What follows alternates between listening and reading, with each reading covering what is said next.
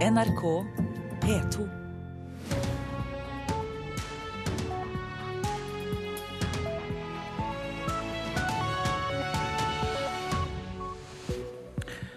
Her i studio, Øystein Heggen. Jeg fortsetter med Nyhetsmorgen og disse sakene.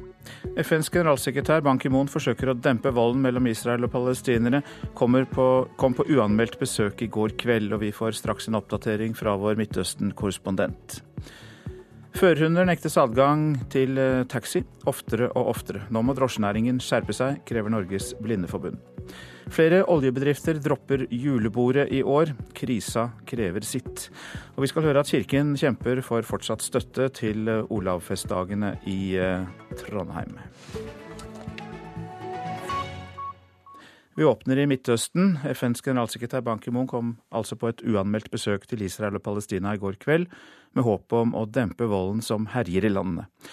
To palestinere ble skutt og drept etter at de angrep og såret israelske soldater i går. Og Midtøsten-korrespondent Sigurd Falkenberg Mikkelsen, du er i Jerusalem. På hvilken måte kan Ban Ki-moon og FN bidra? Det er ikke noe håp om at eh, FN skal eh, løse denne konflikten, og at Ban Ki-moons eh, besøk endrer de grunnleggende tingene. Men man kan eventuelt dempe ting litt, og i hvert fall vise at den internasjonale at det, at det, internasjonale samfunnet bryr seg om konflikten. Det er mange her som har følt seg eh, forlatt, særlig etter FN-møtet, hvor f.eks. Barack Obama ikke nevnte engang Israel-Palestina-konflikten. Men han kommer på et uh, kritisk tidspunkt. Voldsbølgen ser ikke ut til å roe seg. Den har vart nå i over tre uker. og i går var det særlig i Hebron det var voldelige sammenstøt. Hvordan er håpet, da? I eh, området til at eh, denne konflikten med palestinsk knivstikking på den ene siden og israelske motreaksjoner på den andre kan løses? Akkurat nå er det veldig eh, vanskelig. Det er ingen som ser noen umiddelbar løsning på dette.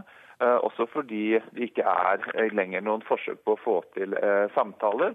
Og fordi mange her ser på det politiske lederskapet på, på begge sider av konflikten eh, som inkapable til å, få det til. Og Vi ser f.eks. på palestinsk side at uh, palestinernes president Mahmoud Abbas har liten tillit blant de unge. og også da i Øst-Jerusalem, hvor han ikke har noe han skulle ha sagt. For dette er et område som er annektert av Israel, så er det veldig få palestinske ledere som kan ta tak i ting. USAs utenriksminister John Kerry er svært bekymret for opptrappingen av konflikten mellom israelere og palestinere. Og utenriksminister Børge Brende møtte Kerry i Washington i går, og vi skal høre hva Brende sa etter dette møtet. Utenriksminister Kerry eh, understreka jo hvor viktig det er at vi nå jobber nært eh, sammen, USA og Norge. Norge som leder av giverlandsgruppa. Og vi ble enige om hva som eh, vil falle på Norge. Bl.a. er det viktig at vi fortsetter arbeidet eh, for å sikre den palestinske eh, økonomien. Og så vil jo utenriksminister Kerry nå prioritere å bidra til å roe ned situasjonen i Jerusalem gjennom dialog med Jordan og israelerne roe ned situasjonen, er da håpet fra Brende her. Kerry skal møte Israels statsminister Benjamin Netanyahu i Tyskland i dag. Eh, til slutt, eh, Falkenberg Mikkelsen, hva kan komme ut av det møtet? Ja, Han skal også møte palestinernes president Mahmoud Abbas eh, og Jordans ledere. Det kommer antagelig til å skje på fredag eller lørdag. Så Han skal møte alle de sentrale aktørene på toppland her i de nærmeste dagene. Eh, og Rent umiddelbart så kommer det nok til å dreie seg mest om det som skjer på de, den hellige høyden, altså der Al-Aqsa-moskeen ligger, og uh, der jødene hadde sine to første tempel, uh, som jo har vært stridens kjerne, i hvert fall den utløsende årsaken denne gangen. Han ønsker å få til en mer bindende og tydelig avtale enn det som har vært til nå. Men om det holder for å roe gemytten her, det er jeg ikke sikker på. Takk skal du ha, Midtøsten-korrespondent Sigurd Falkenberg Mikkelsen fra Jerusalem.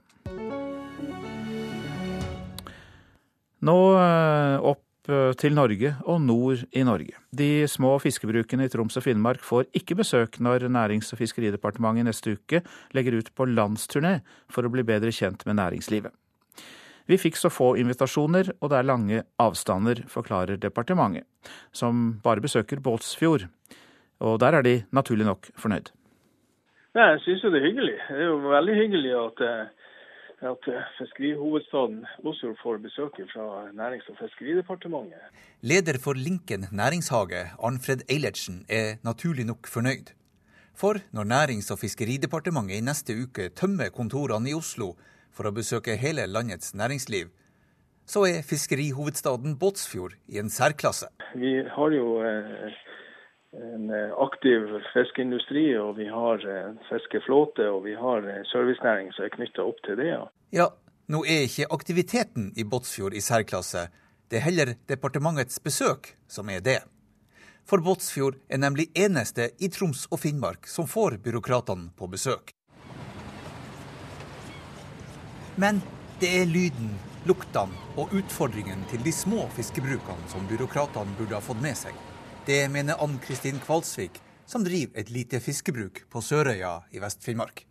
Jeg representerer de små bedriftene, og det er vi som sliter med byråkratiet, og som har en god del vi kunne ha fortalt departementet i forhold til vår hverdag, med det skjemaveldet som vi lever i. Så jeg tror det ville ha vært en fordel for Fiskeridepartementet å få mer kontakt med oss små, og ikke bare hele tida besøke Røkke og co. og den gjengen. Du er en av bedriftene som har invitert departementet, men som ikke står på lista over besøk nå. Ja, jeg tar det på ingen måte personlig, men eh, når man vet at man har invitert, og fremdeles er det Båtsfjord som blir prioritert nok en gang, så som sagt, jeg er litt betenkt også i forhold til den fiskeripolitikken som blir ført nå fra departementet. Nærings- og fiskeridepartementet har valgt ut å besøke en tredjedel av de 150 bedriftene som har sendt invitasjon. Av åtte bedrifter i Troms og Finnmark som ville ha besøk, er det bare én som får det. I Nordland får 17 bedrifter besøk.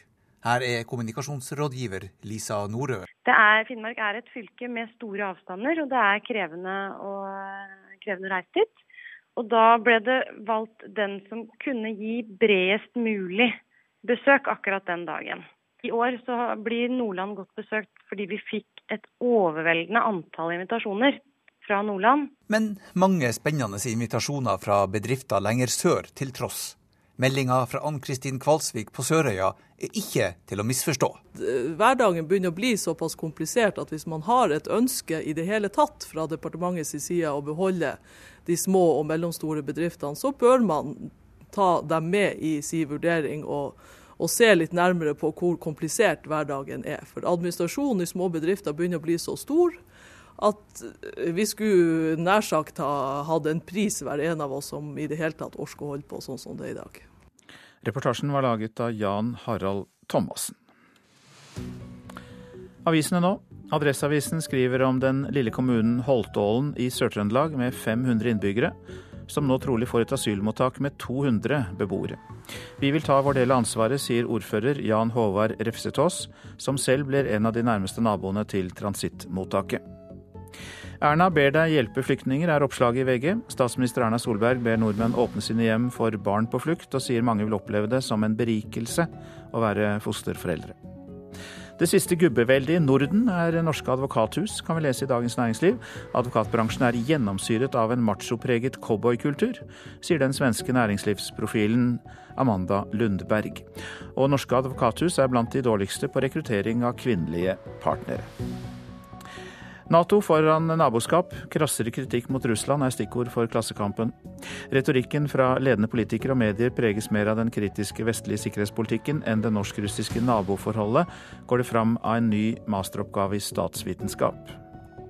Slik opererer Putins spioner i Norge, skriver Dagbladet. PST-kilder sier til avisa at russiske agenter forsøker å komme på innsiden av norsk politikk, at de legger ut agn for nye agenter, og at makteliten inviteres på fest. Noen russiske spioner later også som de er borgere av landet de spionerer på. Broren hans drepte fire jøder. Israel knuste drapsmannens hjem. Det utløste et nytt drap.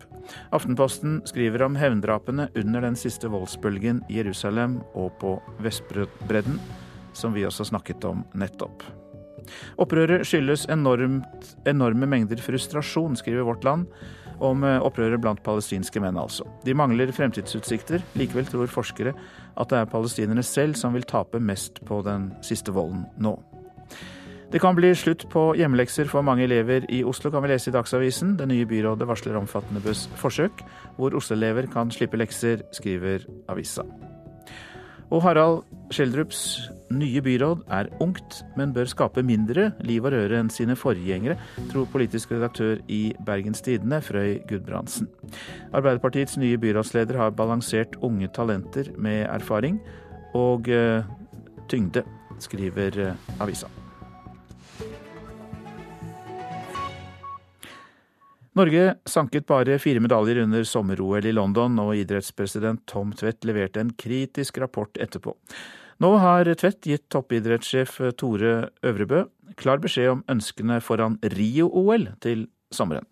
Vi har gitt eh, sjefen for Olympiatoppen, Tore Øvrebø, de fullmaktene han trenger. Det er styret eh, som, som, gjør de evalueringene til syvende og sist, men det er sjefen for Olympiatoppen som har resultatansvar for dette.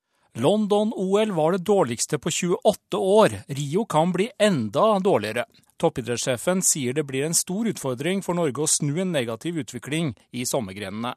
Nei, Det er jo ikke en utvikling vi syns er positiv. Det er jo åpenbart at det blir smalere på antall idretter og færre medaljer mellom OL-ene. Konkurransesituasjonen i internasjonal toppidrett den spisser seg veldig til, og det er mange nasjoner som bruker veldig mye ressurser på på å gjøre det bra i OL, og det er flere nasjoner som vokser fram, som også satser på OL-idrettene.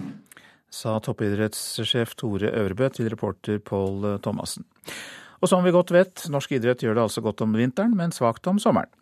Forbundene bør lære av Roforbundet, som stort sett leverer medaljer i alle sommer-OL, sier tidligere coach i Olympiatoppen Johan Kakestad. Men det er helt avgjørende. Vi vet nøyaktig hva som skal til for å få medalje i OL.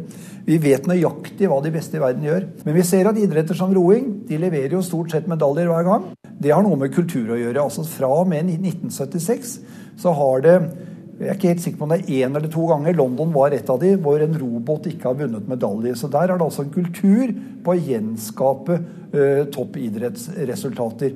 Og sånn bør det jo være i alle idrettene. Klokka den passerte nettopp 6.45. Eh, Dette er hovedsaker i Nyhetsmorgen. Rema 1000 og Bunnpris fjerner produktet Solvinge salatkjøtt fra butikkhyllene. Årsaken er at det er funnet listeriabakterier i kyllingkjøttet. Canada trekker jagerflyene sine ut av Syria og Irak. Det sier landets nyvalgte statsminister Justin Trudeau fra det liberale partiet. Canada har i dag seks jagerfly som har deltatt i angrepene mot IS. USAs utenriksminister John Kerry sier til NRK at han er svært bekymret for opptrappingen av konflikten mellom israelere og palestinere. Mer om møtet mellom utenriksminister Børge Brende og Kerry etter klokka sju. Ja, Det er dårlige tider for julebordarrangørene på Vestlandet. Nedgangstidene i oljenæringen gjør at flere avlyser det tradisjonelle julebordet i år. I bergensområdet melder flere hoteller om laber interesse og lite pengebruk. Vi kan ta 300 her inne, og så har jeg veldig lyst til å vise deg oppe i sjøstuene.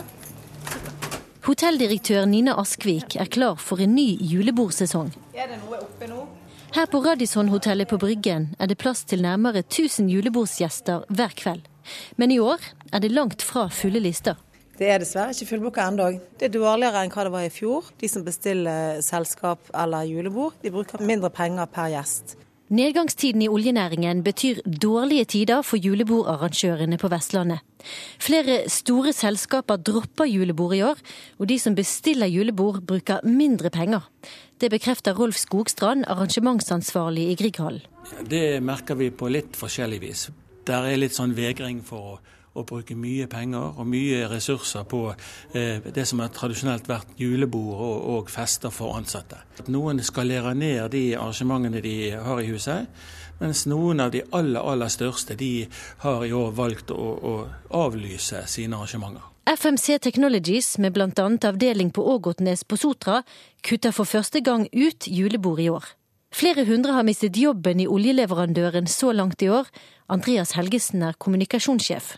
I år så har vi valgt å, å avlyse de tradisjonelle julebordene som vi har eh, hatt tradisjon for å ha i bedriften.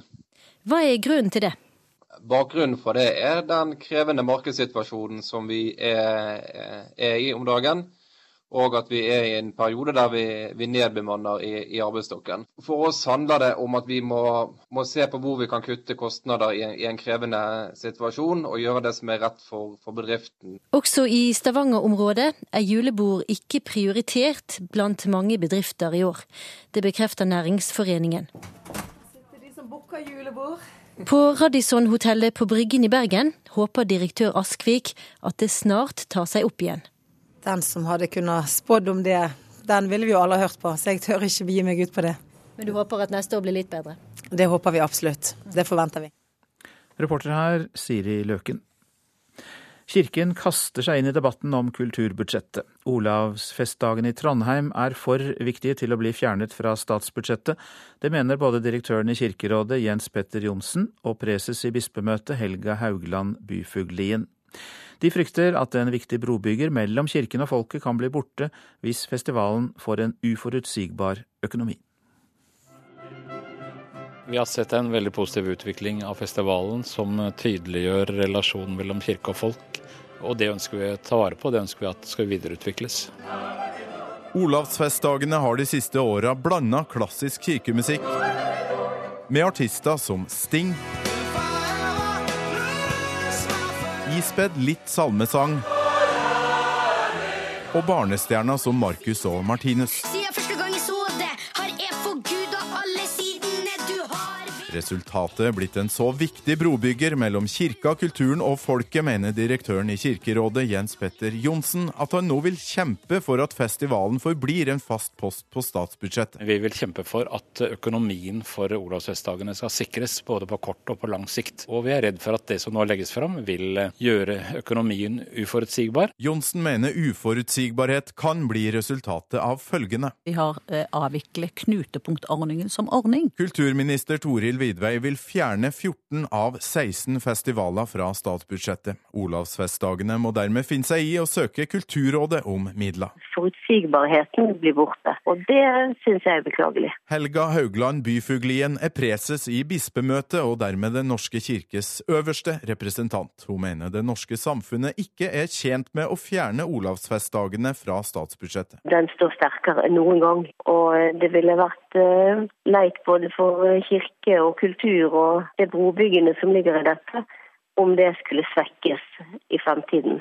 Det syns jeg ikke um, samfunnet vårt, verken kirke eller kultur eller det store fellesskapet, skal ta seg råd til. Kirken er en stor og vesentlig kulturaktør, så det er godt at de også engasjerer seg. Det sier statssekretær i Kulturdepartementet Bjørgulv Vinje Borgundvåg, som likevel er klar på at det kun er Festspillene i Bergen og i Harstad som fortjener en fast post på statsbudsjettet. Det er jo ikke til å legge skjul på at det har vært eh, mye debatt rundt Olavsfestdagenes profil. Det var eh, mye debatt da de fikk en kunstnerisk evaluering sist. Eh, og det har også vært debatt nå. Eh, sånn at eh, dette mener vi det er viktig at det er fagfellevurderinger i Kulturrådet som ligger til grunn for støtten, og ikke politiske prioriteringer. Vi er overbevist om at Olavsfestdagene er like viktige som de to andre. Jeg kan ikke se at ikke man også kan vurdere Olavsfestdagene som en enestående festival. De som hadde klare meninger på slutten der, var direktøren i Kirkerådet Jens Petter Johnsen og preses i bispemøtet Helga Haugland Byfuglien. Reporter var Torkil Torsvik. Knut Hamsuns private boksamling og referansebibliotek i Dikterstua på Nørholm i Grimstad er preget av 60 år under dårlige lagringsforhold. Nå søker dagens eiere, Stiftelsen Nørholm og Elinor Hamsuns legalt, om midler til restaurering av bøkene. I tillegg ønsker de å få bøkene, mange med Hamsuns personlige notater, digitalisert. Knut Hamsuns oldebarn og dagens beboer på Nørholm i Grimstad viser vei inn i forfatterens 90 år gamle diktestue. Ole Andreas Hamsun Rustad flytta inn på Nørholm for et par år siden, og er opptatt av å skape et hjem for sin familie der. Samtidig er han bevisst ansvaret det er å ta vare på stedet og oldefarens dikterstue. Det er jo litt spesielt. Det er jo ikke alle som har et bibliotek eh, inne i skogen eh, som må tas vare på. Eh, og jeg kjenner et visst ansvar for at det skal gjøres. Alle veggene i den gamle husmannsstua som Hamsun fikk flytta til Nørholm i 1925 for å få arbeidsro, er fylt med bøker. Og i flere av bøkene kan en finne håndskrevne kommentarer fra forfatteren. Her har vi en Verken hans motiv eller hans form og farge I Oscar Levertins diktere og drømmere har f.eks. Hamsun markert et avsnitt han syns har vært morsomt. Eterisk melodi. Noe han syns var vittig. Han skriver he-he. Men boksamlinga har ikke hatt optimale lagringsforhold i den gamle stua, med store temperatursvingninger og fuktig inneklima de siste 60 åra. Og flere av bøkene trenger restaurering og muggsanering. Ja, det er et et arbeid som må profesjonelt utføres ved en uh, institusjon som vil ta ut bøkene herfra og gjennomgå alt. Og uh, sikre dem, restaurere dem i den grad det er nødvendig. Sier Terje Bodin Larsen i Elinor Hamsuns legat og stiftelse Nørholm. Planen er at alle bøkene skal hentes ut og gjennomgås side for side av eksperter, for så å settes tilbake på nøyaktig samme sted som tidligere. Fagfolk har som sagt sett på det, og det er fullt uh, mulig å bevare denne boksamlingen på en forsvarlig måte for fremtiden. Bodin Larsen tror de vil trenge 1 til 1,5 millioner kroner til å restaurere bøkene. Og så kan man selvfølgelig legge på det eventuelle midler til digitalisering og tilgjengeliggjøring av eh, boksamlingen her som en eh, digital kilde da, til, eh, til, denne delen av hans liv og virke. Men å restaurere boksamlinga er ikke nok. Også selve diktestua må utbedres for å sikre en forsvarlig oppbevaring av bøkene i framtida. Stiftelsen har allerede fått noen midler til strakstiltak. Men det er klart den langsiktig store jobben, den uh, gjenstår. Og det er den vi arbeider med å finansiere nå. Da, og håper på bistand fra Kulturdepartementet og andre aktuelle bidragsytere til å sikre denne, dette viktige kulturminnet. Terje Bodin Larsen fra stiftelsen Nørholm og Elinor Hamsuns legat, og reporter Miriam Grov. Blinde og synshemmede i Rogaland opplever at ventetiden for drosje blir lenger, og at sjåfører ikke ønsker førerhunder i bilene. Det er i strid med lovverket, og Norges Blindeforbund Rogaland ber eh, drosjenæringen om å skjerpe seg. Kom Tydelige beskjeder må til når Vibeke Kårstad er på tur med førerhunden sin på Ullandhaug i Stavanger. Foran. Venstre. Kom an. Vibeke er 47 år gammel og har vært blind store deler av sitt voksne liv. Det gjør hun helt avhengig av førerhund i det daglige. For meg er hunden veldig viktig, for uh, uh, det er lettere å gå med hund enn det er med hvit stokk. Hunden må også med når Vibeke skal ta drosje, men det er ikke alltid sjåførene vil ha med 47-åringen sin viktige hjelper. Du har jo de som nekter å ta med førerhund fordi om du har gitt beskjed. Uh, du kommer f.eks. du har vært ute og gått og du skal ta en drosje hjem eller på en annen plass. Så nekter de å ta deg med pga. hvordan du har hund. Hva tenker du om det? Nei, Jeg syns det er veldig dumt, for det tar jo vekk det å være selvstendig og kunne fungere i samfunnet. For kan vi ikke ta med oss hunden, så detter vi jo helt tilbake til der. Det, det er jo mange som foretrekker å bruke hvit stokk, men når du blir vant med førerhund, så foretrekker du det. Vibeke er ikke alene om å oppleve dette. Synshemma i Rogaland opplever oftere at ventetida på drosje blir lengre, og at sjåfører ikke ønsker å ta med hund i bilen, ifølge Norges Blindeforbund Rogaland. I et brev til bl.a. samferdselssjefen og taxinæringa ber forbundet om at dette blir tatt på alvor, og at holdningene blir endra. Daglig leder i Stavanger Taxi, Svein Svimbil, lover å ta grep. Vi tar dette på alvor. Nå har vi satt i gang for et par uker siden et omdømmekurs, og dette er tema. Der skal det være mange hundre drosjesjåfører tilhørende Stavanger Taxi som skal gå på kurs. De blir opplyst om at det ikke er akseptabelt i det hele tatt. At det blir førerhunder blir nekta adgang i en drosjebil. Det er helt solklart, det skal de bare gjøre. Så håper jeg òg at de som opplever dette, hvis det da gjelder Stavanger Taxi, det er litt vanskelig å si, at de gir oss en tilbakemelding som vi kan ta og gi en korreks til den enkelte drosjesjåfør som eventuelt har nekta det. I dag finnes det ei merkeordning for kunder med fører- og servicehund hos eh, drosjesentralene. Også lovverket er helt klar i denne saka, ifølge Svimbil. Det er ingen som kan reservere seg mot å kjøre en hund, førerhund. Så det er liksom like i yrket å være drosjesjåfør. Du må bare si velkommen og, og, få, og, og foreta den transporten på lik linje med alle annen transport. Skal vi inn til høyre? Kom igjen, da. På Ullandhaug håper Vibeke å få med seg hunden neste gang hun bestiller drosje, og at drosjenæringa holder det de lover. Det jeg håper at det blir klare linjer. At eh, nekter du å ta med en servicehund, så kan du ikke kjøre drosje. Det er jo bare til å si det rett ut. Reporter Magnus Stokka. Værvarselet. Fjell i Sør-Norge først. Økning til sørvestlig stiv kuling. Liten storm utsatte steder i høyfjellet. I kveld dreiende vestlig. Det blir snø. Fra i ettermiddag stort sett opphold i østlige områder. Østafjells liten sørvestlig kuling på kysten. Etter hvert litt regn. Lokal tåke. Rogaland sørlig liten til stiv kuling på kysten. Fra i ettermiddag minkende vind, og det blir regn. Hordaland sørlig sterk kuling. Fra i ettermiddag sørvest liten kuling og regn. Sogn og Fjordane sørlig liten til full storm på kysten og i fjellet. I ettermiddag minkende til sørvest stiv kuling. Liten storm ved Stad og regn.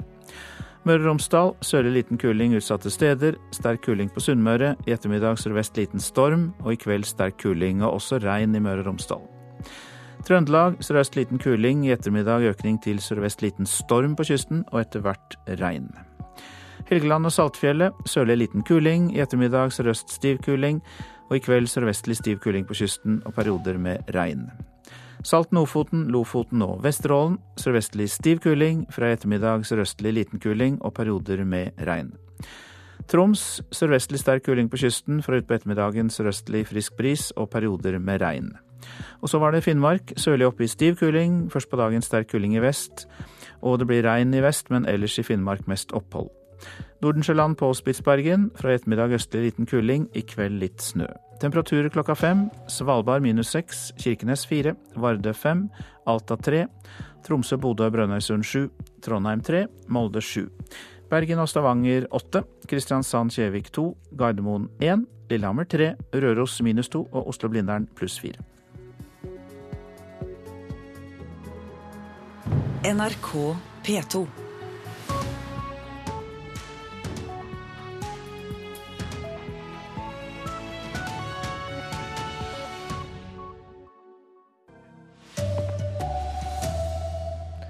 Flyktningstrømmen fra Syria og situasjonen i Midtøsten var blant temaene da Børge Brende møtte USAs utenriksminister i natt. Og nedgangstider gjør at flere bedrifter i oljenæringen dropper julebord for de ansatte i år. Her er NRK Dagsnytt klokka sju ved Tone Nordahl. Norge og USA er enige om å samarbeide tett for å forsøke å dempe uroen i Midtøsten. Det sier utenriksminister Børge Brende. De siste tre ukene har volden eskalert, og flere er drept i knivstikkinger, påkjørsler og opptøyer. Dette var blant temaene da Brende i natt møtte USAs utenriksminister John Kerry. Utenriksminister Kerry understreka jo hvor viktig det er at vi nå jobber nært sammen, USA og Norge. Norge som leder av giverlandsgruppa. Og vi ble enige om hva som vil falle på Norge. Bl.a. så er det viktig at vi fortsetter arbeidet for å sikre den palestinske økonomien. Og så vil jo utenriksminister Kerry nå prioritere å bidra til å roe ned situasjonen i Jerusalem gjennom dialog med Jordan og israelerne. Sa utenriksminister Børge Brende. Elever i Oslo kan bli kvitt hjemmeleksene for godt. I byrådsforhandlingene har SV fått ja til at leksearbeidet kan bli organisert på en annen måte enn i dag, skriver Dagsavisen. SV ser for seg at elever i hovedstaden skal gjøre leksene ferdig på skolen ved hjelp av en lærer. Partiet mener hjemmelekser øker sosiale forskjeller, fordi mange barn ikke får hjelp med leksene hjemme. Flere bedrifter i oljenæringen dropper tradisjonelle julebord i år.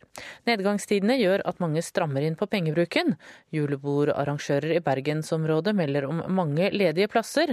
Oljeleverandøren FMC Technologies på Sotra er blant dem som kutter ut julebordet. I år så har vi valgt å, å avlyse de tradisjonelle julebordene som vi har eh, hatt tradisjon for å ha i bedriften. Hva er grunnen til det? Bakgrunnen for det er den krevende markedssituasjonen som vi er, er, i om dagen. Og at vi er i en periode der vi, vi nedbemanner i, i, arbeidsstokken. For oss handler det om at vi må, må se på hvor vi kan kutte kostnader i i en, krevende situasjon, og gjøre det som er rett for, for bedriften. Det sa kommunikasjonssjef hos FMC Technologies, Andreas Helgesen. Det er påvist E. coli-bakterier i drikkevannet i flere områder i Vestby i Follo. Kommunen oppdaget bakteriene da de tok prøver av vannet. Det skal tas nye prøver, og svarene kommer klokka 15 i dag.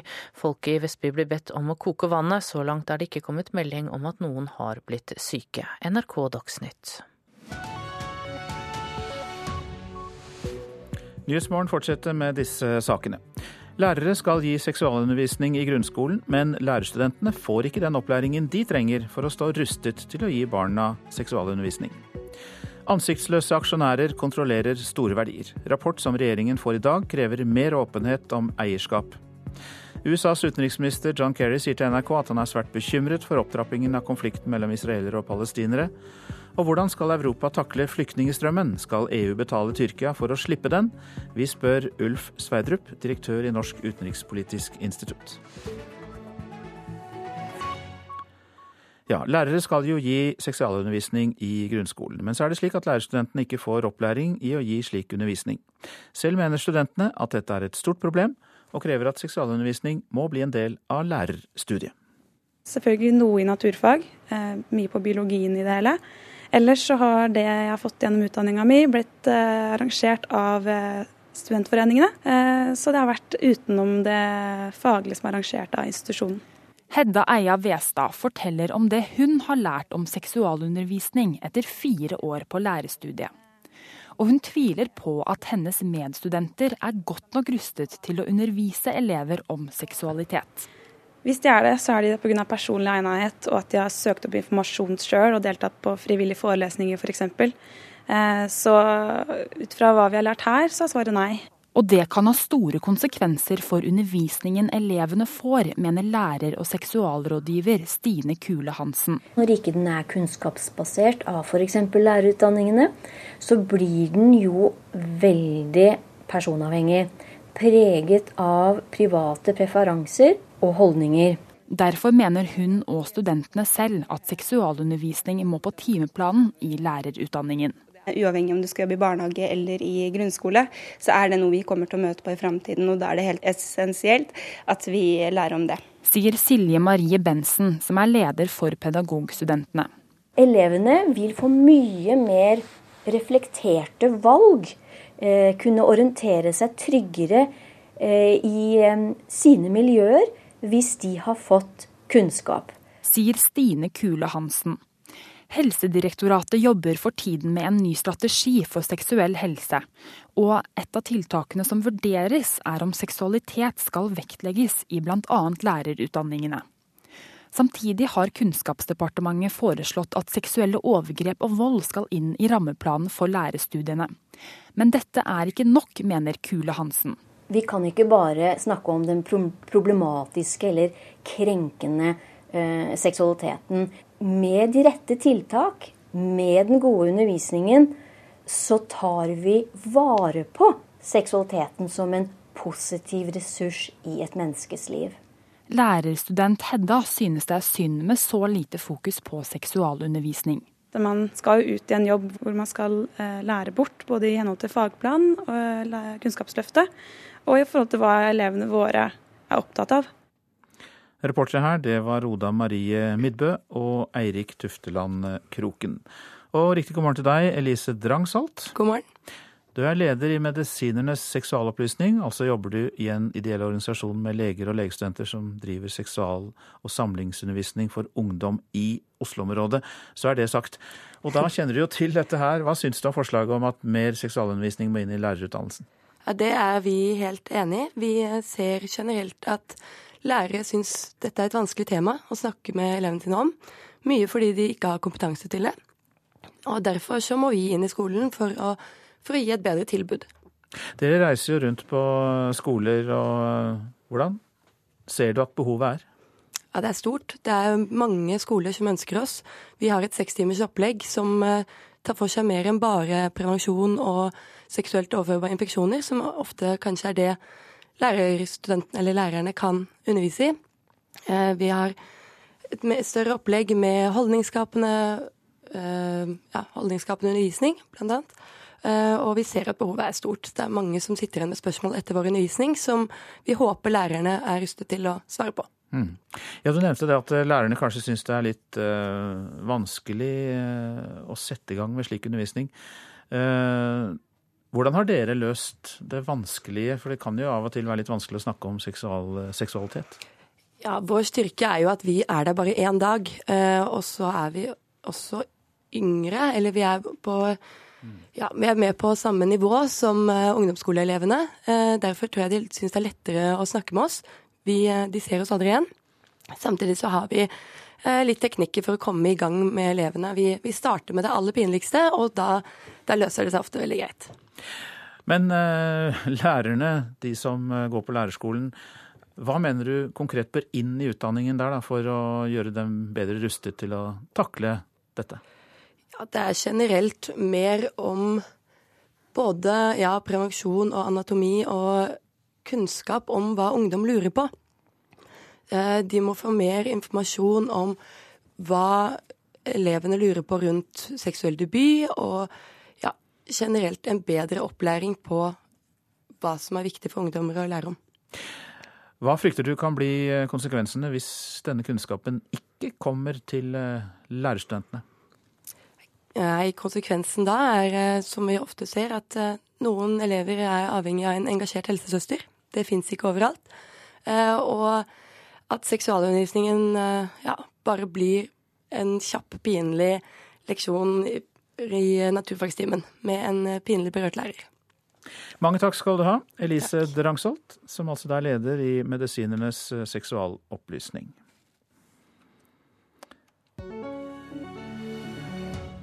Full åpenhet om hvem som eier aksjer i selskaper er viktigere enn åpenhet rundt skattelistene. Det er konklusjonen i en rapport som regjeringen får overlevert i dag.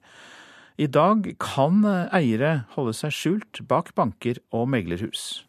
I dag er det ekstremt vanskelig å finne ut hvem som eier selskap, hvem som er, mm, kontrollerer og har aksjer i et selskap. Norske aksjer for hundretalls milliarder av kroner eies av ansiktsløse aksjonærer, som ingen i praksis vet hvem er. Det kan være kriminelle nettverk og andre som har noe å skjule. Det er et veldig stort behov for å sette et eh, ansikt bak eierskapet, og hvem som kontrollerer store verdier i samfunnet i dag. Ja, Er det et problem at man ikke vet hvem som eier det norske selskapet? Ja, eh, det er et veldig stort problem. Det gjør det veldig enkelt å f.eks. Ja, rigge anbudskonkurranser. Man vet ikke hvem som egentlig står bak et selskap, og så kan det vise seg at det er samme person som har eierinteresser i mange selskap. Et enstemmig storting har bedt regjeringen komme med et lovforslag for et åpent eierregister. Dette er viktigere enn selv åpenhet rundt skattelistene, sier Jacobsen. Det vil da også være mulig å finne ut av f.eks. om lokale politikere, om ordføreren i bygda f.eks. har eierinteresser i selskap som, eh, som tilbyr tjenester. I dag får regjeringen overlevert rapporten Åpent eierskap fra Tax Justice Network, IKT Norge og Finans Norge.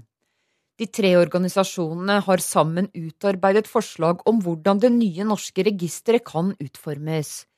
Men helt enige er vi ikke, sier Else Katrine Lund, fagsjef for økonomisk kriminalitet i Finans Norge. Finansnæringen ønsker seg også åpenhet, men advarer mot en lov som kun gjelder i Norge. Så hvis vi skal innføre særnorske tiltak i Norge, så vil det kunne ødelegge mye for norsk, det norske aksjemarkedet.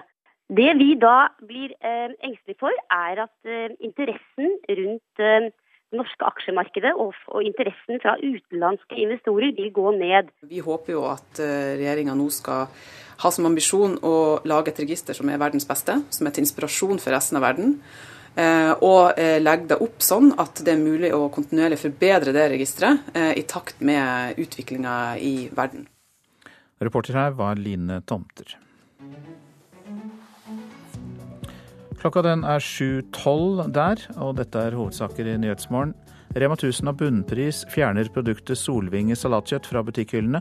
Årsaken er at det er funnet listeriabakterier i kyllingkjøttet.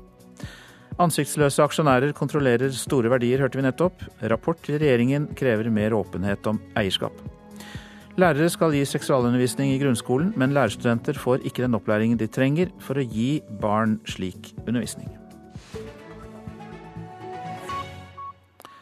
USAs utenriksminister John Kerry sier til NRK at han er svært bekymret for opptrappingen av konflikten mellom israelere og palestinere. Han reiser til Europa i dag, hvor han skal møte Israels statsminister Benjamin Netanyahu. Og I går kveld møtte han utenriksminister Børge Brende i Washington, og konflikten i Midtøsten sto da øverst på agendaen.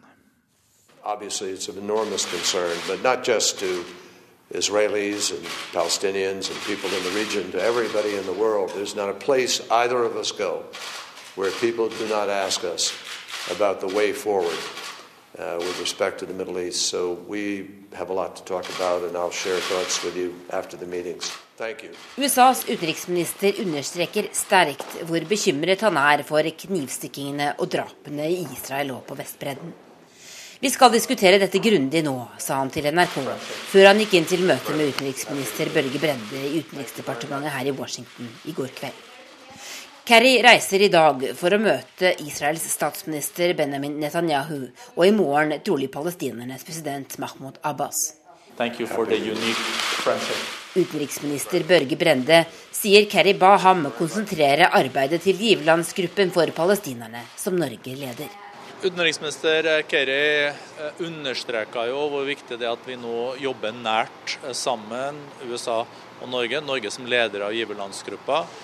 Og vi ble enige om hva som eh, vil falle på Norge. Bl.a. er det viktig at vi fortsetter arbeidet for å sikre den palestinske økonomien dette at palestinerne får eh, utvide sin virksomhet inne i det som heter område C, som de ikke har eh, tilgang til i dag.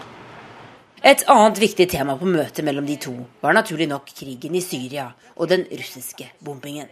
Utenriksminister Kerry har blitt gitt i oppdrag av eh, Obama å samle partene rundt Syria. Han skal møte med utenriksminister Sergej Lavrov fra Russland og de andre viktigste aktørene for å se er det mulig å få til en enighet om en del eh, grunnleggende premisser for en overgangsregjering eh, i Damaskus. Utenriksminister Børge Brende i Washington han ble altså intervjuet av korrespondent Tove Bjørgaas. EUs plan om å omfordele asylsøkere mellom medlemslandene kan stoppe opp nesten før den har kommet i gang. Det sier en EU-kilde i Brussel. Det er vel en måned siden EU-landene vedtok denne omfordelingen.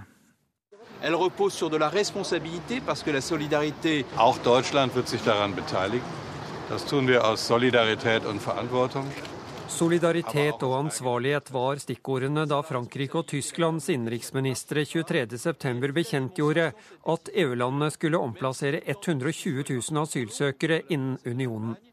Til tross for sterke protester fra østeuropeiske medlemsland var man blitt enige om å avlaste de store ankomstlandene Italia og Hellas og sende asylsøkerne til andre EU-land, etter en fordelingsnøkkel som bl.a. tar hensyn til folketall og økonomi. 9.10 reiste 19 eritreiske flyktninger med fly fra Italia til Luleå flyplass i Nord-Sverige, som de aller første i henhold til avtalen, for å få sin asylsøknad behandlet der. Mens totaltallet i mellomtida har økt til 160 000, er de 19 eritreerne faktisk de eneste som så langt er omplassert, og nå har det hele omtrent stoppet opp, sier en anonym EU-kilde til nyhetsbyrået AFP. Med en planlagt flytting av rundt 100 personer fra Italia denne uka, vil de tilgjengelige plassene så langt være oppbrukt, sier den samme kilden. Mens motstanden altså er stor i Øst-Europa, opplever mange land i nord og vest for tida stor direkte tilstrømning av asylsøkere som tar seg fram på egen hånd. I går skrev Financial Times at EU-kommisjonen i tillegg jobber med et forslag om å fordele inntil 200 000 kvoteflyktninger fra Syrias naboland på EU-landene. Dette skal være en del av forsøket på å få til en avtale mellom EU og Tyrkia om håndtering av flyktningekrisa. Det sa reporter Tom Ingebrigtsen. Og i studio er du kommet, Ulf Sveidrup, direktør for Norsk utenrikspolitisk institutt. Velkommen. Takk. Ja, eh, hvor hardt opplever vi nå at europeiske land er presset av flyktningstrømmen? Det er klart det er en veldig stor belastning i mange land. Eh, administrative kapasiteten for å håndtere flyktningene som kommer, er veldig pressa. Vi vet også her i Norge at man begynner å se de økonomiske kostnadene av det. Og rent politisk òg, så er de aller fleste politikere eh, eh,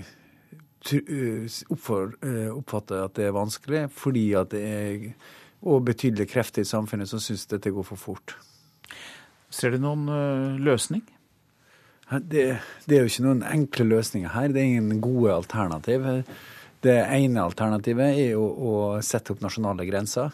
Og det er, vil ha veldig sterke negative bieffekter. Og ikke sikkert at det vil Kanskje det vil faktisk føre til økt smugling ved grensene.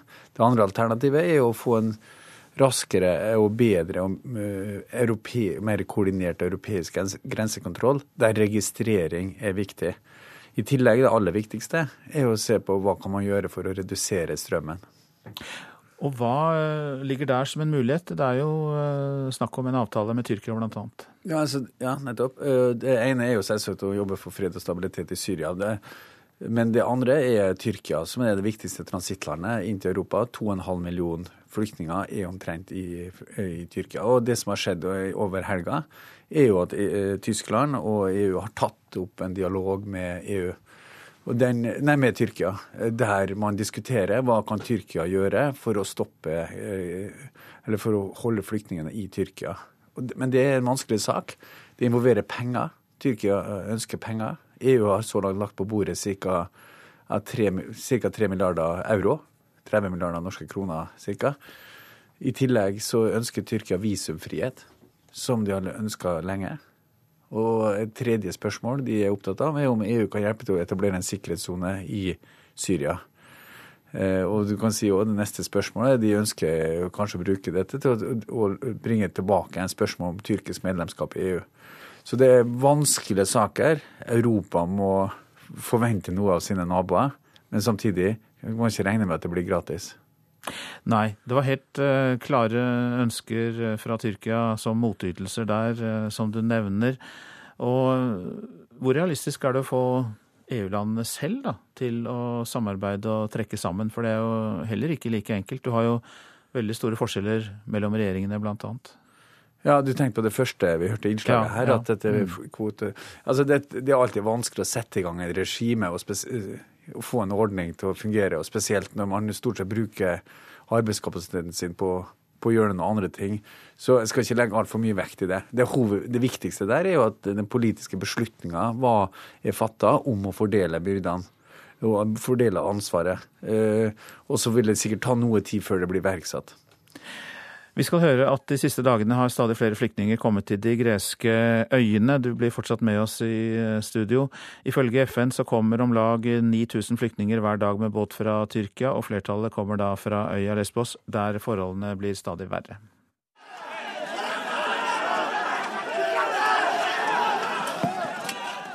Desperate flyktninger går løs på hverandre med kjepper utenfor mottaket på øya Lesvos. De krangler bl.a. om plassen i køen. For denne dagen er mottaket stengt. All kapasitet er sprengt. Flyktningene må vente i dagevis på å få papiret som gjør at de kan reise videre.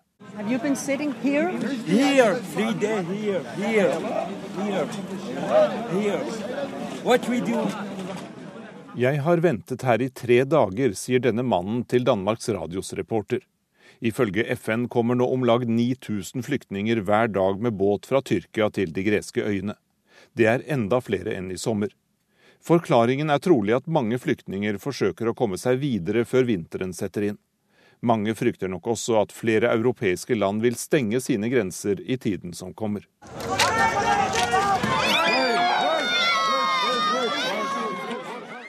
Mottaksapparatet i Hellas er svakt i utgangspunktet, og den siste økningen i antallet flyktninger fører til kaos og fortvilte tilstander på de greske øyene. En situasjonsrapport fra Jan Espen Kruse. Ulf Sveidrup, direktør ved NUPI, du er fortsatt eh, med oss. Til slutt, vil situasjoner som dette, det vi hørte her, og mange flere, true Europas økonomi? Vil de være en trussel mot Europas identitet? Uh, ja, skal vi si Det vil all, eh, helt åpenbart legge på kort sikt legge eh, stramme på offentlige finanser i de aller fleste statene. Nå er det jo sånn at På lang sikt så trenger jo Europa arbeidskraft. Eh, spørsmålet er jo liksom hva som er kort- og langsiktsproblemer. Når det gjelder identitetsspørsmålet, så er jo Europa 500 millioner mennesker og tåler nok noen prosent med innvandring. Og mange av disse som kommer nå, skal jo returnere, sannsynligvis. Eh, men eh, Europa går i retning av å bli mer kulturelt og, og, og etnisk sammensatt fellesskap. Sånn som det også skjer i Norge. Spørsmålet er jo om hvis Europa ikke klarer å løse dette, og man må stenge Europas grenser, så vil den europeiske identiteten knytta til et fellesskap vil rammes. Mange takk skal du ha, Ulf Sveidrup, direktør i Norsk utenrikspolitisk institutt. Så skal jeg ta for meg avisene og det de har på dagsordenen i dag. Adresseavisen skriver om den lille kommunen Holtålen i Sør-Trøndelag med 500 innbyggere, som nå trolig får et asylmottak med 200 beboere. Vi vil ta vår del av ansvaret, sier ordfører Jan Håvard Refsetås, som selv blir en av de nærmeste naboene til transittmottaket. Erna ber deg hjelpe flyktninger, er oppslaget i VG. Statsminister Erna Solberg ber nordmenn åpne sine hjem for barn på flukt og sier mange vil oppleve det som en berikelse å være fosterforeldre. Det siste gubbeveldet i Norden er norske advokathus, kan vi lese i Dagens Næringsliv. Advokatbransjen er gjennomsyret av en machopreget cowboykultur, sier den svenske næringslivsprofilen Amanda Lundeteg. Og norske advokathus er blant de dårligste på rekruttering av kvinnelige partnere. Nato foran naboskap, krassere kritikk mot Russland er stikkord fra Klassekampen. Retorikken fra ledende politikere og medier i Norge preges mer av den kritiske vestlige sikkerhetspolitikken enn det norsk-russiske naboforholdet. Det går fram av en ny masteroppgave i statsvitenskap.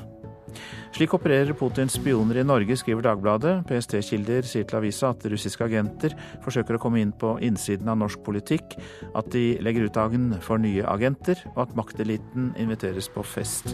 Noen russiske spioner later altså som de er borgere av landet de spionerer på. Broren hans drepte fire jøder. Israel knuste drapsmannens hjem. Det utløste et nytt drap. Aftenposten skriver om hevndrapene under den siste voldsbølgen i Jerusalem og på Vestbredden. Opprøret skyldes enorme mengder frustrasjon, skriver Vårt Land, om eh, opprøret blant palestinske menn. De mangler fremtidsutsikter. Likevel tror forskere at det er palestinerne selv som vil tape mest på denne volden. Det kan bli slutt på hjemmelekser for mange elever i Oslo, kan vi lese i Dagsavisen. Det nye byrådet varsler omfattende forsøk hvor Oslo-elever kan slippe lekser. Harald Schjelderups nye byråd er ungt, men eh, bør skape mindre liv og røre enn sine forgjengere, tror politisk redaktør i Bergens Tidende. Frøy Gudbrandsen. Arbeiderpartiets nye byrådsleder har balansert ungt talent med erfaring og tyngde, skriver altså kommentator Gudbrandsen i Bergens Tidende. Nok en gang har Sogndal rykket opp i fotballens eliteserie. Det er en gripende historie som rører folk sterkere enn seriegullet til Rosenborg. Ja, det mener i hvert fall filmregissør Erik Poppe. Ett år etter det mismodige nedrykket kom det begeistrede opprykket.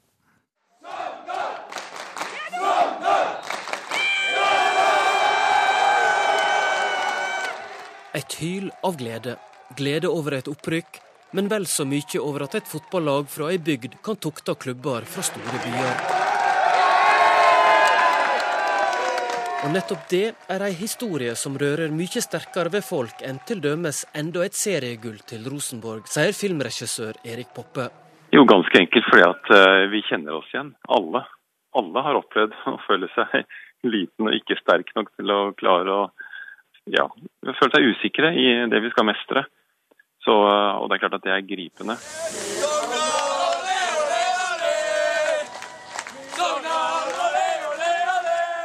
Søndag kveld i Sogndal.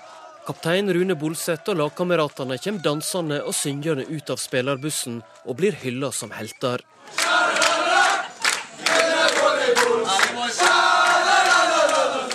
Det skjer bare ett år etter det mismodige nedrykket til førstedivisjon. Nettopp det at det ikke er så enkelt å bli værende blant de beste, vekker sympati og engasjement, sier Poppe. Det er en av urhistoriene våre om den, som, den lille som utfordrer de store. Så vi liker å se det, vi liker å høre om det, og vi liker å ta del i det. Så Sånn sett så kan Sogndal være den mest interessante historien å følge framfor de store. Opprykket til Sogndal løste ut ei sterk kjensle av lykke hjå mange. Det merker òg daglig leder i Sogndal Fotball, Egil Mundal. Spesielt det å, å, registrere så mange som blir påvirka glade samtidig, det er helt fenomenalt. Jeg hadde en opptelling i går, og eh, på fem oppdateringer på Facebook så nådde en ut til 320 000 mennesker. Det er da tre ganger av fylkets befolkning, så det er, ja, det er helt magisk. Sogndal har i flere tiår dyrka det at de er en veslebror i norsk fotball. Helt siden mister Sogndal, Rolf Navarsete, gikk på banen for å slåss mot bylagene på 70-tallet, har klubben, spillerne og folket i sognebygda kjent seg att i Davids kamp mot kjempa Goliat. Det, det, tror jeg er bare en fordel. Jeg tror, jeg tror vi sogninger og Sogndøl ofte har vært best når vi får eh, sparka fra underlege. Sier tidligere Sogndal-spiller og herrelandslagstrener Ingvar Stadheim. Han veit en del om hvordan Sogndal blir oppfatta i Fotball-Norge. Så eh, Det tror jeg er bare en fordel for oss. Og det er jo ikke rart heller, for så vidt. fordi vi er jo lite bygd eh, i denne sammenhengen og, eh, og slåss mot eh, lag fra de store byene, stort sett i Tippeligaen i hvert fall. Sogndal har som mål å bli en stabil middelhavsfarer i Eliteserien. Men dersom en lykkes med å bli en etablert toppklubb, kan ikke det ødelegge den gode historien som Sogndal er? En liten klubb som alltid kjemper seg tilbake etter et forsmedelig nedrykk? Nei, jeg tror ikke vi kan tenke slik i hele tatt. Jeg tror eh, Nå var han jo oppe i fire år forrige gang. og det at vi nå bare var nede til ett år, forteller vel at vi har tatt et steg. Og, eh, og jeg tror at eh, med den situasjonen som er i norsk fotball nå, så, eh, så er det fullt mulig for oss å, å ta enda et steg eh, oppover. Reporter Noralv Pedersen. Hvem er Bernie Sanders, presidentkandidaten i USA som er selverklært sosialist? Vi har besøkt hans hjemstat Vermont i reportasjen etter Dagsnytt. Produsent for Nyhetsmorgen, Kari Bekken Larsen. Her i studio, Øystein Heggen.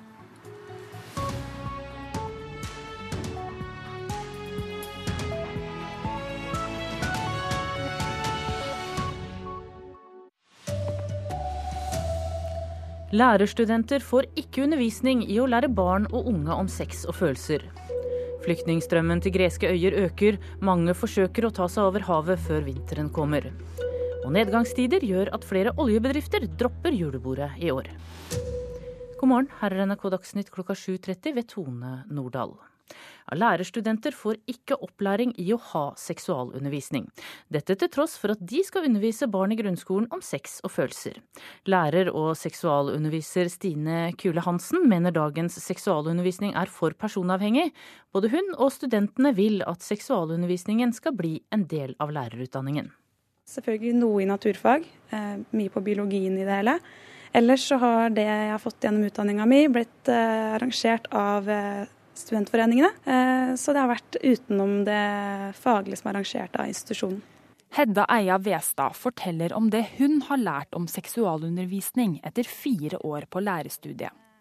Og hun tviler på at hennes medstudenter er godt nok rustet til å undervise elever om seksualitet. Hvis de er det, så er de det pga. personlig egnethet og at de har søkt opp informasjon sjøl og deltatt på frivillige forelesninger f.eks. For så ut fra hva vi har lært her, så er svaret nei. Og det kan ha store konsekvenser for undervisningen elevene får, mener lærer og seksualrådgiver Stine Kule Hansen. Når ikke den er kunnskapsbasert av f.eks. lærerutdanningene, så blir den jo veldig personavhengig. Preget av private preferanser og holdninger. Derfor mener hun og studentene selv at seksualundervisning må på timeplanen i lærerutdanningen. Uavhengig om du skal jobbe i barnehage eller i grunnskole, så er det noe vi kommer til å møte på i framtiden. Og da er det helt essensielt at vi lærer om det. Sier Silje Marie Bensen, som er leder for Pedagogstudentene. Seksualundervisning handler jo like mye om følelser som om kropp. Elevene vil få mye mer reflekterte valg. Eh, kunne orientere seg tryggere eh, i eh, sine miljøer hvis de har fått kunnskap. Reportere her var Oda Marie Midbø og Eirik Tufteland Kroken. Ja, leder Elise Drangsholt i Medisinernes seksualopplysning. Dere driver sex- og samlivsundervisning for ungdom i Oslo-området. Hva sier ungdom du snakker med om den undervisning lærerne deres gir? Ja, Det er nok stort sett ikke lærerne som driver med det. Det er kanskje noen engasjerte helsesøstre som har tatt opp med dem. Men Ja, Hvis vi spør dem om lærerne, så mener de at uh, lærerne ikke kan det, eller de har ikke lyst til å snakke med læreren sin om det, fordi de ser dem hver dag. Hva er det elevene bør lære om uh, seksualitet? Ja, Først og fremst så er det jo, de, det er jo faktaopplysningene om prevensjon og hvilke muligheter det fins innenfor det. Og selvfølgelig om seksuelt overførbare infeksjoner, som er viktig å hindre spredning av. Men det som bl.a. vi tar opp, er jo andre ting som holdninger rundt legning, overgrep og grensesetting, og spesielt mye om forventninger rundt seksuell debut. For der er det mye misoppfatninger og myter. Hvor begynner man da, når man står der foran en nysgjerrig og kanskje litt flau klasse? Ja, Vi pleier å begynne med, med det vi kaller hard del, altså anatomien. Uh, og da begynner vi med en gang å tegne opp de flaue tegningene på tavla og spør. Og da er det ofte litt pinlig og litt stille, men vi, vi klarer å få de fort i gang. Du, er du enig med de vi hørte i innslaget her om at lærerne må kunne mer om dette?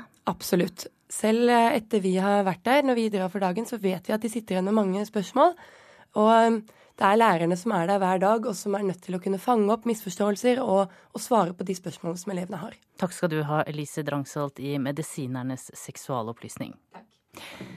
De siste dagene har stadig flere flyktninger kommet til de greske øyene. Ifølge FN kommer det nå rundt 9000 flyktninger hver dag med båt fra Tyrkia. Flertallet kommer til øya Lesvos, der forholdene blir stadig verre.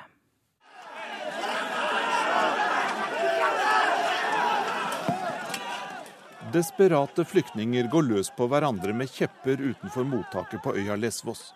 De krangler bl.a. om plassen i køen, for denne dagen er mottaket stengt All kapasitet er sprengt.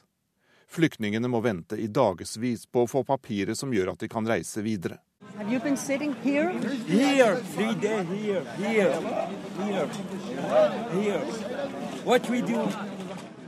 Jeg har ventet her i tre dager, sier denne mannen til Danmarks Radios reporter. Ifølge FN kommer nå om lag 9000 flyktninger hver dag med båt fra Tyrkia til de greske øyene. Det er enda flere enn i sommer. Forklaringen er trolig at mange flyktninger forsøker å komme seg videre før vinteren setter inn. Mange frykter nok også at flere europeiske land vil stenge sine grenser i tiden som kommer.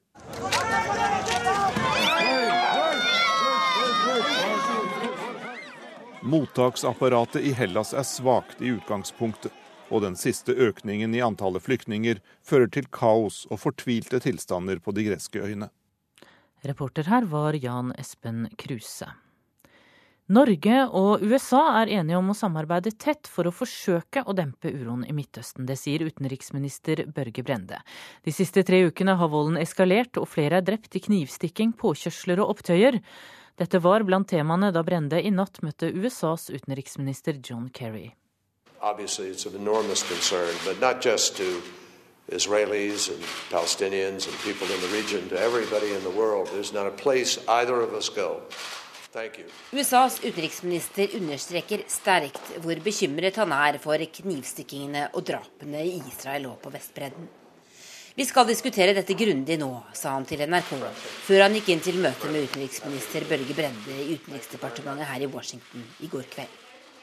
Kerry reiser i dag for å møte Israels statsminister Benjamin Netanyahu, og i morgen trolig palestinernes president Mahmoud Abbas. Utenriksminister Børge Brende sier Kerry ba ham konsentrere arbeidet til giverlandsgruppen for palestinerne, som Norge leder. Utenriksminister Kerry eh, understreka jo hvor viktig det er at vi nå jobber nært eh, sammen, USA og Norge. Norge som leder av giverlandsgruppa. Det sa Børge Brende til vår USA-korrespondent Tove Bjørgaas. Full åpenhet om hvem som eier aksjer i et selskap er viktigere enn åpenhet rundt skattelistene. Det er konklusjonen i en rapport som regjeringen får overlevert i dag. Åpenhet om eierskap kan hindre kriminalitet. Det sier Sigrid Klebo Jacobsen i Tax Justice Network Norge. I dag er det ekstremt vanskelig å finne ut hvem som eier selskap, hvem som er, kontrollerer og har aksjer i et selskap. Norske aksjer for hundretalls milliarder av kroner eies av ansiktsløse aksjonærer. Det er et veldig stort behov for å sette et eh, ansikt bak eierskapet, og hvem som kontrollerer store verdier i samfunnet i dag. Vi håper jo at eh, regjeringa nå skal ha som ambisjon å lage et register som er verdens beste, som er til inspirasjon for resten av verden. Reporter her Line Tomter. Det er dårlige tider for julebordarrangører på Vestlandet. Nedgangstidene i oljenæringen gjør at flere avlyser de tradisjonelle julebordene i år. I bergensområdet melder flere hoteller om laber interesse. Vi kan ta 300 her inne, og så har jeg veldig lyst til å vise deg oppe i sjøstuene. Hotelldirektør Nina Askvik er klar for en ny julebordsesong. Er det noe oppe nå? Her på Radisson-hotellet på Bryggen er det plass til nærmere 1000 julebordsgjester hver kveld. Men i år er det langt fra fulle lister. Det er dessverre ikke fullbooka ennå. Det er dårligere enn hva det var i fjor. De som bestiller selskap eller julebord, de bruker mindre penger per gjest. Nedgangstiden i oljenæringen betyr dårlige tider for julebordarrangørene på Vestlandet. Flere store selskaper dropper julebord i år, og de som bestiller julebord bruker mindre penger. Det bekrefter Rolf Skogstrand, arrangementsansvarlig i Grieghallen. Det merker vi på litt forskjellig vis der er litt sånn vegring for å, å bruke mye penger og mye ressurser på eh, det som har tradisjonelt vært julebord og, og, fester for ansatte. Noen skalerer ned de arrangementene de har i huset, mens noen av de aller, aller største de har i år valgt å, å avlyse sine arrangementer. FMC Technologies, med bl.a. avdeling på Ågotnes på Sotra, kutter for første gang ut julebord i år. Flere hundre har mistet jobben i oljeleverandøren så langt i år, Andreas Helgesen er kommunikasjonssjef. For oss handler det om at vi må, må se på hvor vi kan kutte kostnader i en, i en, krevende situasjon, og gjøre det som er rett for, for bedriften. Sitter de som booker julebord. På Radisson-hotellet på Bryggen i Bergen håper direktør Askvik at det snart tar seg opp igjen. Den som hadde kunnet spådd om det, den ville vi jo alle hørt på, så jeg tør ikke begi meg ut på det. Men du håper at neste år blir litt bedre? Det håper vi absolutt. Reporter var Siri Løken. Det er tåke på Oslo lufthavn denne morgenen, og nødvendig med større avstand mellom flyene som lander. Det betyr at det kan bli forsinkelser. Flyselskapene ber likevel folk om å møte til oppsatt tid. Ansvarlig for Dagsnytt, Bjørn Christian Jacobsen.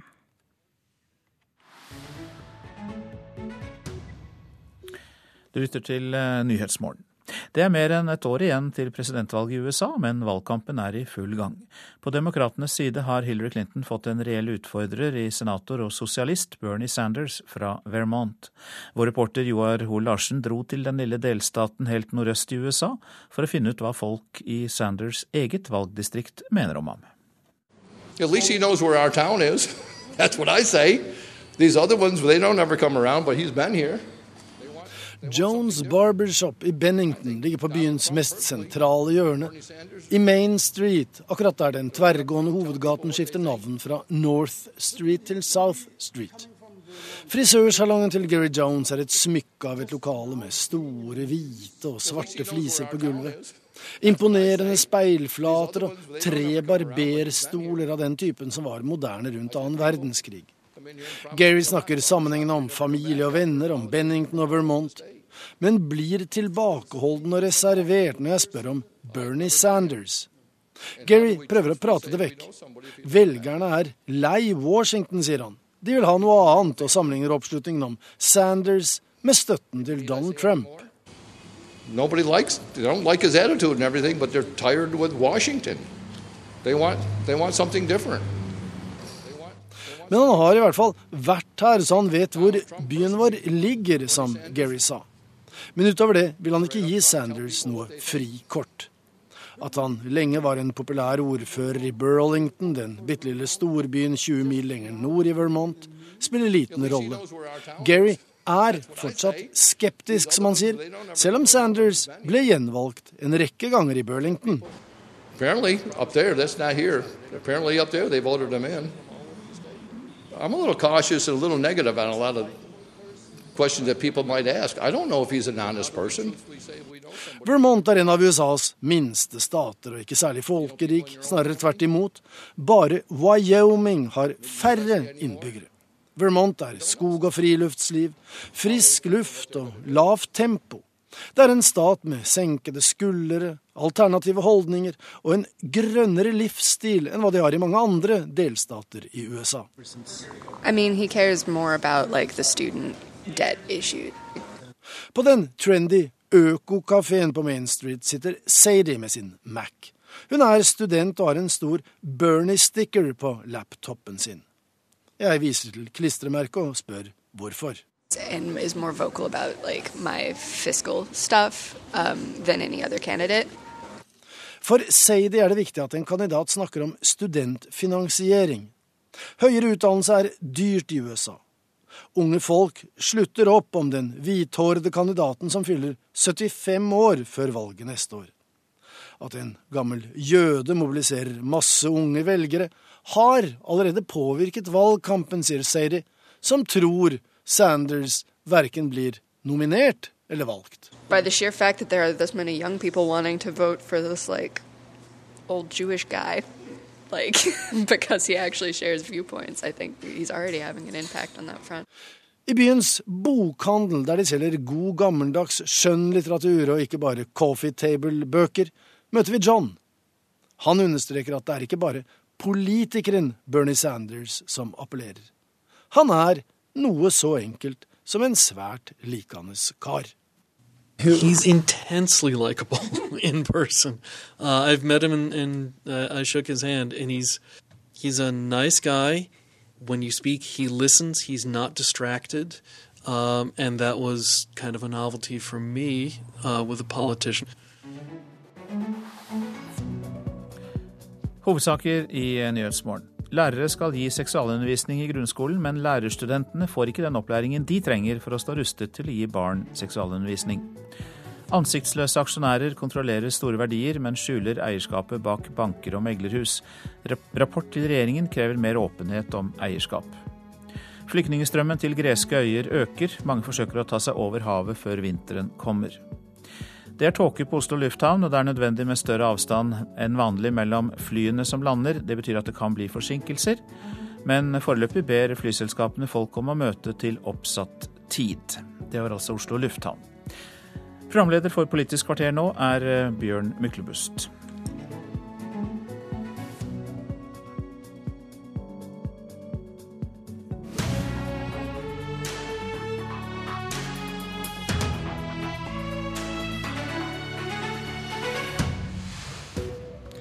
Satte regjeringen av for lite penger til flyktninger med vilje for å beskytte hjertesakene i budsjettet? lurer Arbeiderpartiet på, som selv blir utfordret av SV.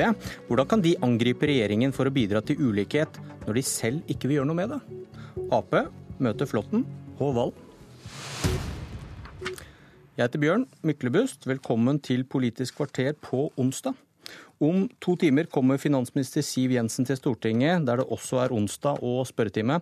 Kanskje hun får spørsmål om hvorfor regjeringen ikke satte av mer penger til flyktninger i sitt budsjettforslag. Marianne Martinsen, du sitter i finanskomiteen for Arbeiderpartiet.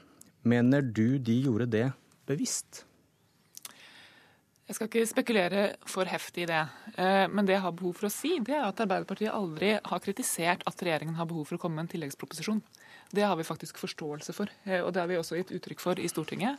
At vi skjønner at man ikke hadde full oversikt over situasjonen i august, da man la siste hånd på budsjettet. Og det har også gjort at vi har sagt at dette skal vi behandle konstruktivt. Vi er innstilt på å få dette gjennom i Stortinget. Har ikke kritisert det. Eh, men det vi har sett, det er jo at eh, regjeringa har klart å ta høyde for f.eks. 9,1 milliarder kroner i skattelettelser. Vi så en finansminister og egentlig et regjeringskollegium i dagene før valget som opptrådte som vandrende lekkasjer hva gjaldt eh, statsbudsjettet og alt som skulle komme der. Og så fikk vi en avsløring for noen ganske få dager siden om at budsjettet til UDI var tatt ned i siste budsjettsving, et, et kutt på 2,8% da antagelig for å kunne profilere hva skal vi si, mer hensiktsmessige saker for et regjeringskollegium å snakke om eh, i en valgkamp. Så, så, så det er motivet. De så flyktningstrømmen, men de hadde lyst til å profilere hjertesakene først? Altså, vi vet i hvert fall i Arbeiderpartiet hvordan en budsjettkalender fungerer. Man starter i mars, og så kommer man til august. og Da er jo gjerne frustrasjonen stor, særlig blant statsråder som, som vil ut og profilere.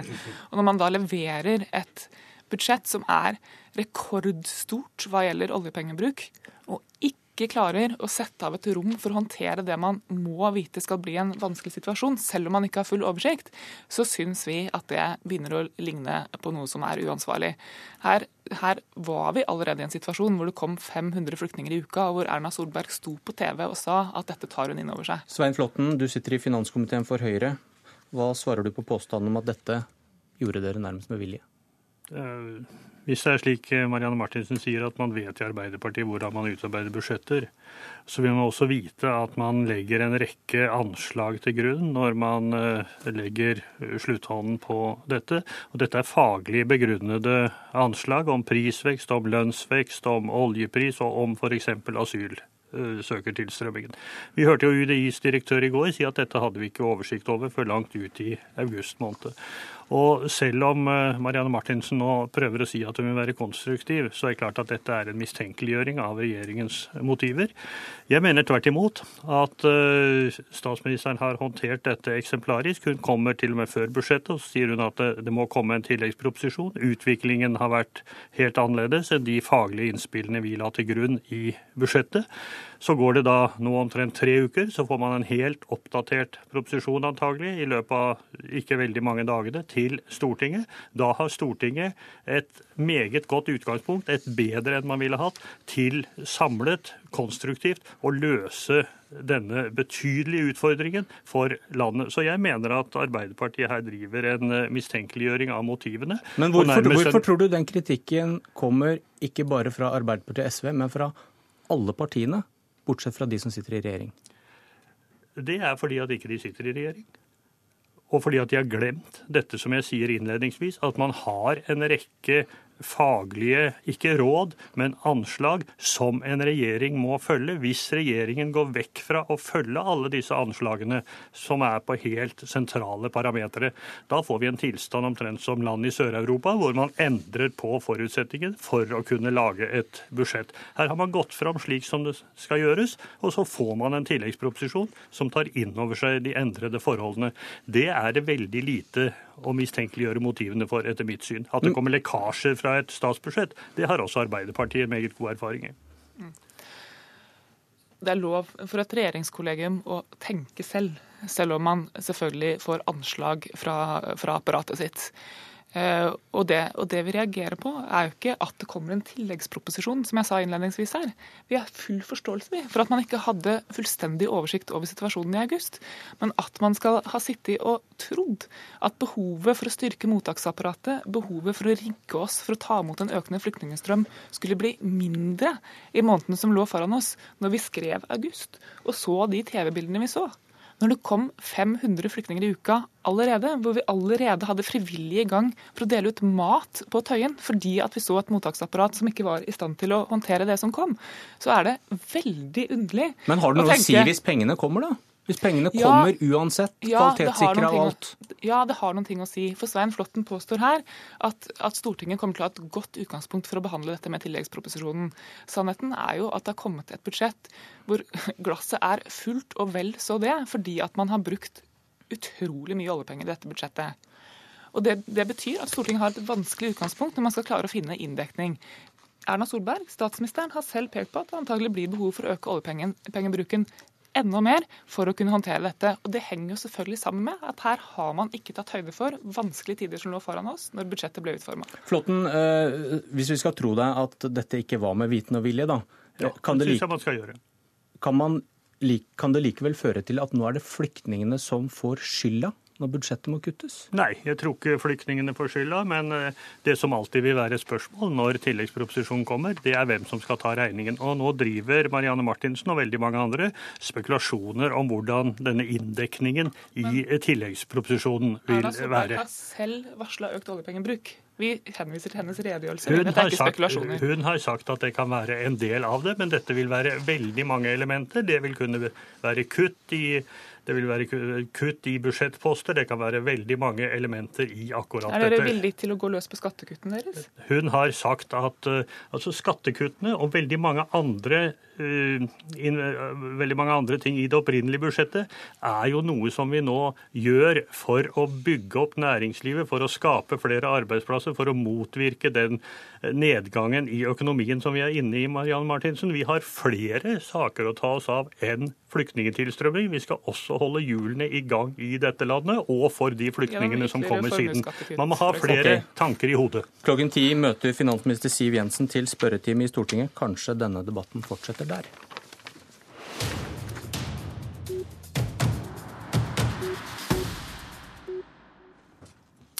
Født sånn eller blitt sånn? De siste dagene har Dagens Næringsliv skrevet om at veien til rikdom ofte går gjennom arv. Og før helgen kom Arbeiderpartiet med sitt forslag til en skattereform. Og der er det ingen tegn til en arveavgift. Snorre Valen, finanspolitisk talsmann i SV, hva syns du om det? Jeg syns Arbeiderpartiets forslag til skattereform virker lite gjennomarbeida. Jeg tror de har forhasta seg. Og så er det tre sider ved det som er veldig problematisk. Det første er det manglende fordelingsperspektivet. Det andre er det manglende klimaperspektivet. Og det tredje er at jeg mener at Arbeiderpartiet forspiller sjansen til lederskap. Og hvis vi skal ha et bredt skatteforlik i Stortinget, så er en ting vi trenger, det er lederskap. Arbeiderpartiet har sjøl hatt en veldig eh, varm og radikal retorikk om, om, sosiale forskjeller det siste året. Jeg er enig i det aller meste Marianne Martinsen og Jonas Gahr Støre har sagt om temaet. Um, men det holder ikke å la seg avbilde med økonomer som Thomas Piketty når du ikke omfavner noen av forslagene økonomer som han kommer med. Eh, og tiltak vi i SV veldig gjerne kunne tenkt oss, og som mange anbefaler oss å gjøre nå, det er for det første en mer progressiv formuesskatt, der de største formuene har en høyere sats. Eh, det er høyere skatt på de høyeste inntektene som må til for å utjevne sosiale forskjeller og finansiere framtidas velferd. Og så er det en arveavgift. 77 av Norges 100 rikeste er eh, arvinger. Eh, og da forstår jeg skuffelsen til f.eks. Agenda og LO når Arbeiderpartiet ikke går inn for noen som helst form for skatt på arv. Det dere gjør rimer dårlig med det dere sier, Marianne Martinsen. Hmm. Først så vil jeg gjerne si at det å bekjempe ulikhet er helt fundamentalt for oss som parti. Det ligger i ryggraden vår, og det kommer til å bli viktigere i åra som kommer. Særlig når vi nå ser stigende ledighet. Eh, vi ser en flyktningstrøm som eh, kommer til landet vårt. Dette kommer til å bli et tema som står høyt, høyt på dagsordenen i åra som kommer. Og vi kommer til å trenge progressiv politikk for å kunne møte tendensen til, til økende ulikhet du, i vårt er, eget samfunn. Er du enig i at arv er en viktig årsak til ulikhet? Ja, formuesoppbygging er en viktig årsak til ulikhet, og formue går i arv. Eh, men det, en viktig bakgrunn som SV ikke helt har fått med seg her, tror jeg, det er at denne skattereformen som vi har lagt fram et tilsvar på, det handler om å sikre et skattesystem som skal gjøre det mer lønnsomt å investere i Norge, som skal sørge for at vi har effektiv, eh, eh, et effektivt skattesystem. Og hvor vi har sagt at her er det mulig å bli enige om noen prinsipper i Stortinget for hvordan det skal skje. Bl.a. gjennom å flytte beskatning fra selskapsskatt over på utbytteskatt. Men hvorfor ikke gjøre noe med arv, som du innrømmer fordi, er eh, en årsak til ulikhet, som du hele tiden sier at, det gjør noe med? Fordi at det er store deler av skattesystemet som ikke er en del av denne reformen. Og jeg, jeg har hele tiden vært veldig tydelig på at en reform vil dreie seg om noen prinsipper for bedre beskatning i Norge. Det er vi opptatt av. Jeg er mer usikker på om SV eh, er det. Eh, men, men, det kan ikke være en reform som låser skattenivået i Norge, eller muligheten til å drive omfordeling i Norge. Eller å kreve inn grønne avgifter, for den saks skyld.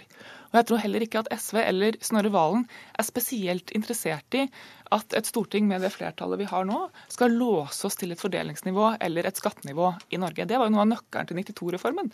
At man eh, kunne bli enige om noen grunnleggende prinsipper, men ha ulike holdninger til nivå. Hørte du noen gode argumenter her mot å ta opp arv i denne runden her? Nei, jeg hørte mange gode argumenter, men ikke mot det. Jeg syns at arveavgift er en helt naturlig del av en diskusjon når formuesskatt skal på bordet, f.eks. Når det gjelder det å låse seg til et nivå, så er jeg jo helt enig, men det har jo vært et, arbeid, et Arbeiderpartiproblem. Det å si at vi skal ikke endre skatten utover nivået til dette og dette året. Tidligere har det vært liksom 2004 som har vært steintavla fra himmelen. Og vi skal ikke ha høyere skatter enn i 2004, helt uavhengig av utvikling av økonomien. Og på den måten så har Arbeiderpartiet bidratt til at vi låser oss politisk. Så er jeg helt enig i at en den ideelle skatteforliket på Stortinget, der sier vi ikke noe om nivå, men vi sier noe om en innretning som alle kan være enige om. Og så kan de ulike fløyene i politikken bruke det skattesystemet for å utforme den politikken de vil ha. Men så er det jo sånn at et av de fremste argumentene Arbeiderpartiet har brukt f.eks. mot formuesskattekuttene til regjeringa, det er at 10% av befolkningen i Norge kontrollerer 50% av formuen. La oss si at Erna Solberg og Siv Jensen gir seg på alt i forhandlingene over jul. Altså De bare sier Marianne Martinsen, du får alt du vil ha. Du får hele skattereformen din. Da er problemet følgende. Da vil det fortsatt være sånn at 10% av befolkninga kontrollerer 50 av formuen. Arbeiderpartiet er ikke i nærheten av å gå langt nok. De reparerer lite grann på de skadene Høyre og Frp har gjort de siste par åra, men de er ikke villige til å gå lenger og si at forskjellene skal ned i Norge. Og det er det store problemet. Vi sier at vi må få et mer omfordelende skattesystem enn det vi har i dag. Du, samtidig... du i, i, første del her så, så, var du med på å mistenkeliggjøre Flåttens og Høyres mm. motiver, hvis vi skal gjøre samme øvelse på deg, da. Eh, hva kan motivet være for ikke røre ved dette? Kan det være at det er upopulært? Altså, ikke vi... de begrunnelsene du kom med i stad? Da vi ikke gikk for å gjeninnføre arveavgiften, så var det med den begrunnelse at det hadde etter hvert utvikla seg til å bli en ganske dårlig avgift. Den traff dårlig. Hvorfor ikke gjøre noe med den, da? Nei, Den traff dårlig. Vi trenger en annen modell hvis vi skal diskutere dette. Men det vi gjorde for å kompensere for det De det samme argumentene kan man vel bruke mot formuesskatten? Nå foreslår vi også endringer i formuesskatten for å gjøre den bedre. For å kunne forsvare å ha en høyere sats på den. Eh, redusere de negative effektene eh, ved den, som bl.a. innebærer at du har ulik verdifastsettelse på ulike eh, investeringsobjekter. Men for å gå tilbake til arv. Det vi var opptatt av når vi ikke gikk for å gjeninnføre arveavgiften sånn som den lå, det var at den samla beskatningen av formue i Norge skal ikke ned og fordelingselementene i skattesystemet skal være like sterke. Og Derfor så stramma vi jo til i formuesskatten ytterligere, altså utover det som var formuesskattenivået da vi satt i regjering sammen i 2013, Snorre Valen, eller i hvert fall partiene våre. Hadde vi hatt veldig god tid i Snorre så kunne vi trukket fram mange gode grunner til at den kanskje ble fjerna òg. Det er en dobbelt beskatning. Eh, dette kan være penger som du allerede har skattet av. Så skal du skatte av de en gang til når du gir de videre til neste generasjon. Sjøl noen av de mest kapitalistiske samfunn i verden, f.eks. USA, med sin amerikanske drøm, har vært avhengig av en arveavgift nettopp for å sørge for at sosiale forskjeller ikke skal gå for mye arv. Og vi er et ganske spesielt land som ikke har det. Hvis man syns arveavgiften var dårlig utforma, så kunne vi sett på Tyskland som en arveavgift som treffer ganske godt. Vi kunne til og med sett på USA. Eh, så er det jo sånn at Formuesskatten er et, et, punkt også i, i, kritikken min av Arbeiderpartiet, fordi de foreslår aksjerabatt. Og Et av de store problemene det skal jeg være enig med Arbeiderpartiet med formuesskatten og beskatning av eiendom i dag i Norge, det er jo at det er billigere å investere i eiendom enn i formue. Men det er ganske skuffende Jo, men da er det ganske skuffende at Arbeiderpartiet ikke lytter til den rekke av økonomer utafor studio her som sier at vi må innføre en skatt på eiendom. Denne debatten fortsetter også. Dette var Politisk kvarter.